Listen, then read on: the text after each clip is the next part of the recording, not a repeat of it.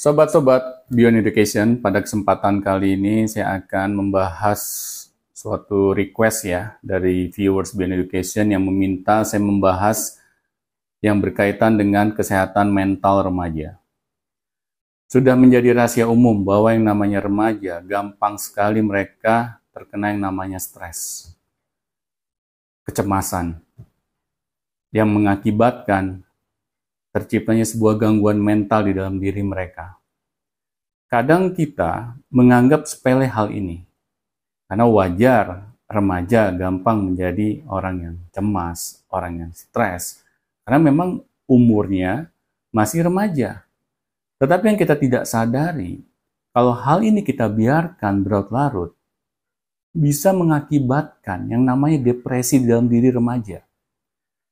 Coba kita lihat berita-berita di luar sana yang berkaitan dengan kenakalan di dunia remaja.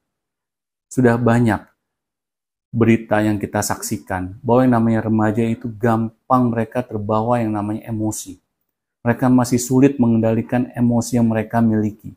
Mengapa? Karena wajar. Mereka belum memiliki yang namanya filter yang kuat di dalam diri mereka dalam mengendalikan emosi yang mereka miliki. Mereka belum memiliki ilmu yang banyak, mereka belum memiliki wawasan yang banyak, mereka belum memiliki self defense mechanism yang kuat di dalam diri mereka dalam menyikapi hal-hal yang buruk yang bisa menimpa diri mereka. Dan di sinilah peran kita sebagai orang-orang terdekat mereka yang harus memberikan pertolongan kepada diri remaja-remaja ini. Bukan di sini kita layaknya sebagai seorang psikolog atau sebagai seorang psikiater. Tetapi di sini yang dituntut, kita mau mencintai mereka apa adanya.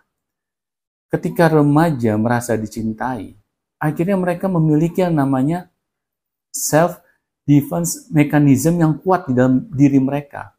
Mereka memiliki rasa percaya diri yang kuat.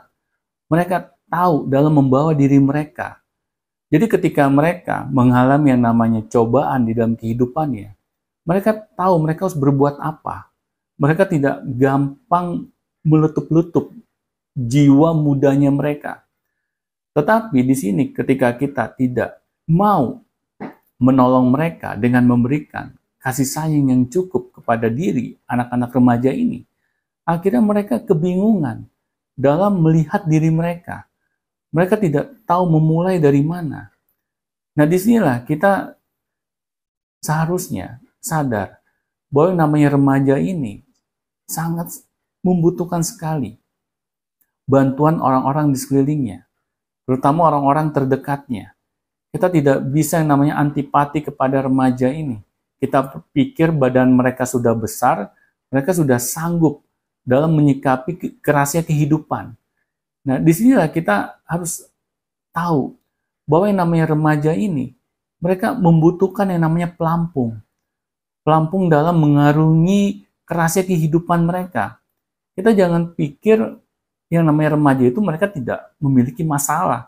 Apa sih yang dimiliki remaja dalam dalam masalah kehidupannya? Ya paling masalah seputar pacaran saja atau masalah uh, kegiatan di sekolah saja tidak ada masalah-masalah yang pelik yang mereka akan alami.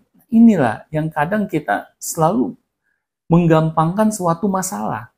Akhirnya, ketika remaja menghadapi masalah, kita pikir mereka sanggup mengatasinya. Dan ternyata ketika mereka sudah terpuruk karena mereka tidak tahu harus memulai dari mana dalam menyelesaikan masalah ini, akhirnya mereka melarikan diri ke hal-hal yang negatif dan ketika itu terjadi, di situlah mulai masalah besar menanti kita. Kita tidak tahu bahwa remaja-remaja ini kadang mereka bisa memiliki sikap yang nekat dalam menyelesaikan masalah yang mereka hadapi. Dan ketika hal itu sudah terjadi, konsekuensi yang besar akan kita temui. Nah, di sinilah wahai para sobat Beyond Education dunia remaja adalah dunia yang penuh dengan sukacita. Tetapi jangan sampai kita membatasi diri bahwa setiap remaja itu kehidupannya selalu aman-aman saja. Padahal di balik yang namanya laut yang tenang, di dalam itu menyimpan suatu mara bahaya yang kadang tidak terlihat di atas permukaan. Begitupun juga dengan remaja.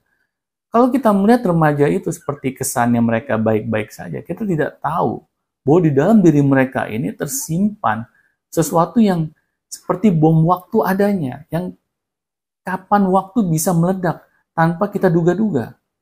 Dan di sinilah kita seharusnya bisa melihat dan menyikapinya dengan bijaksana.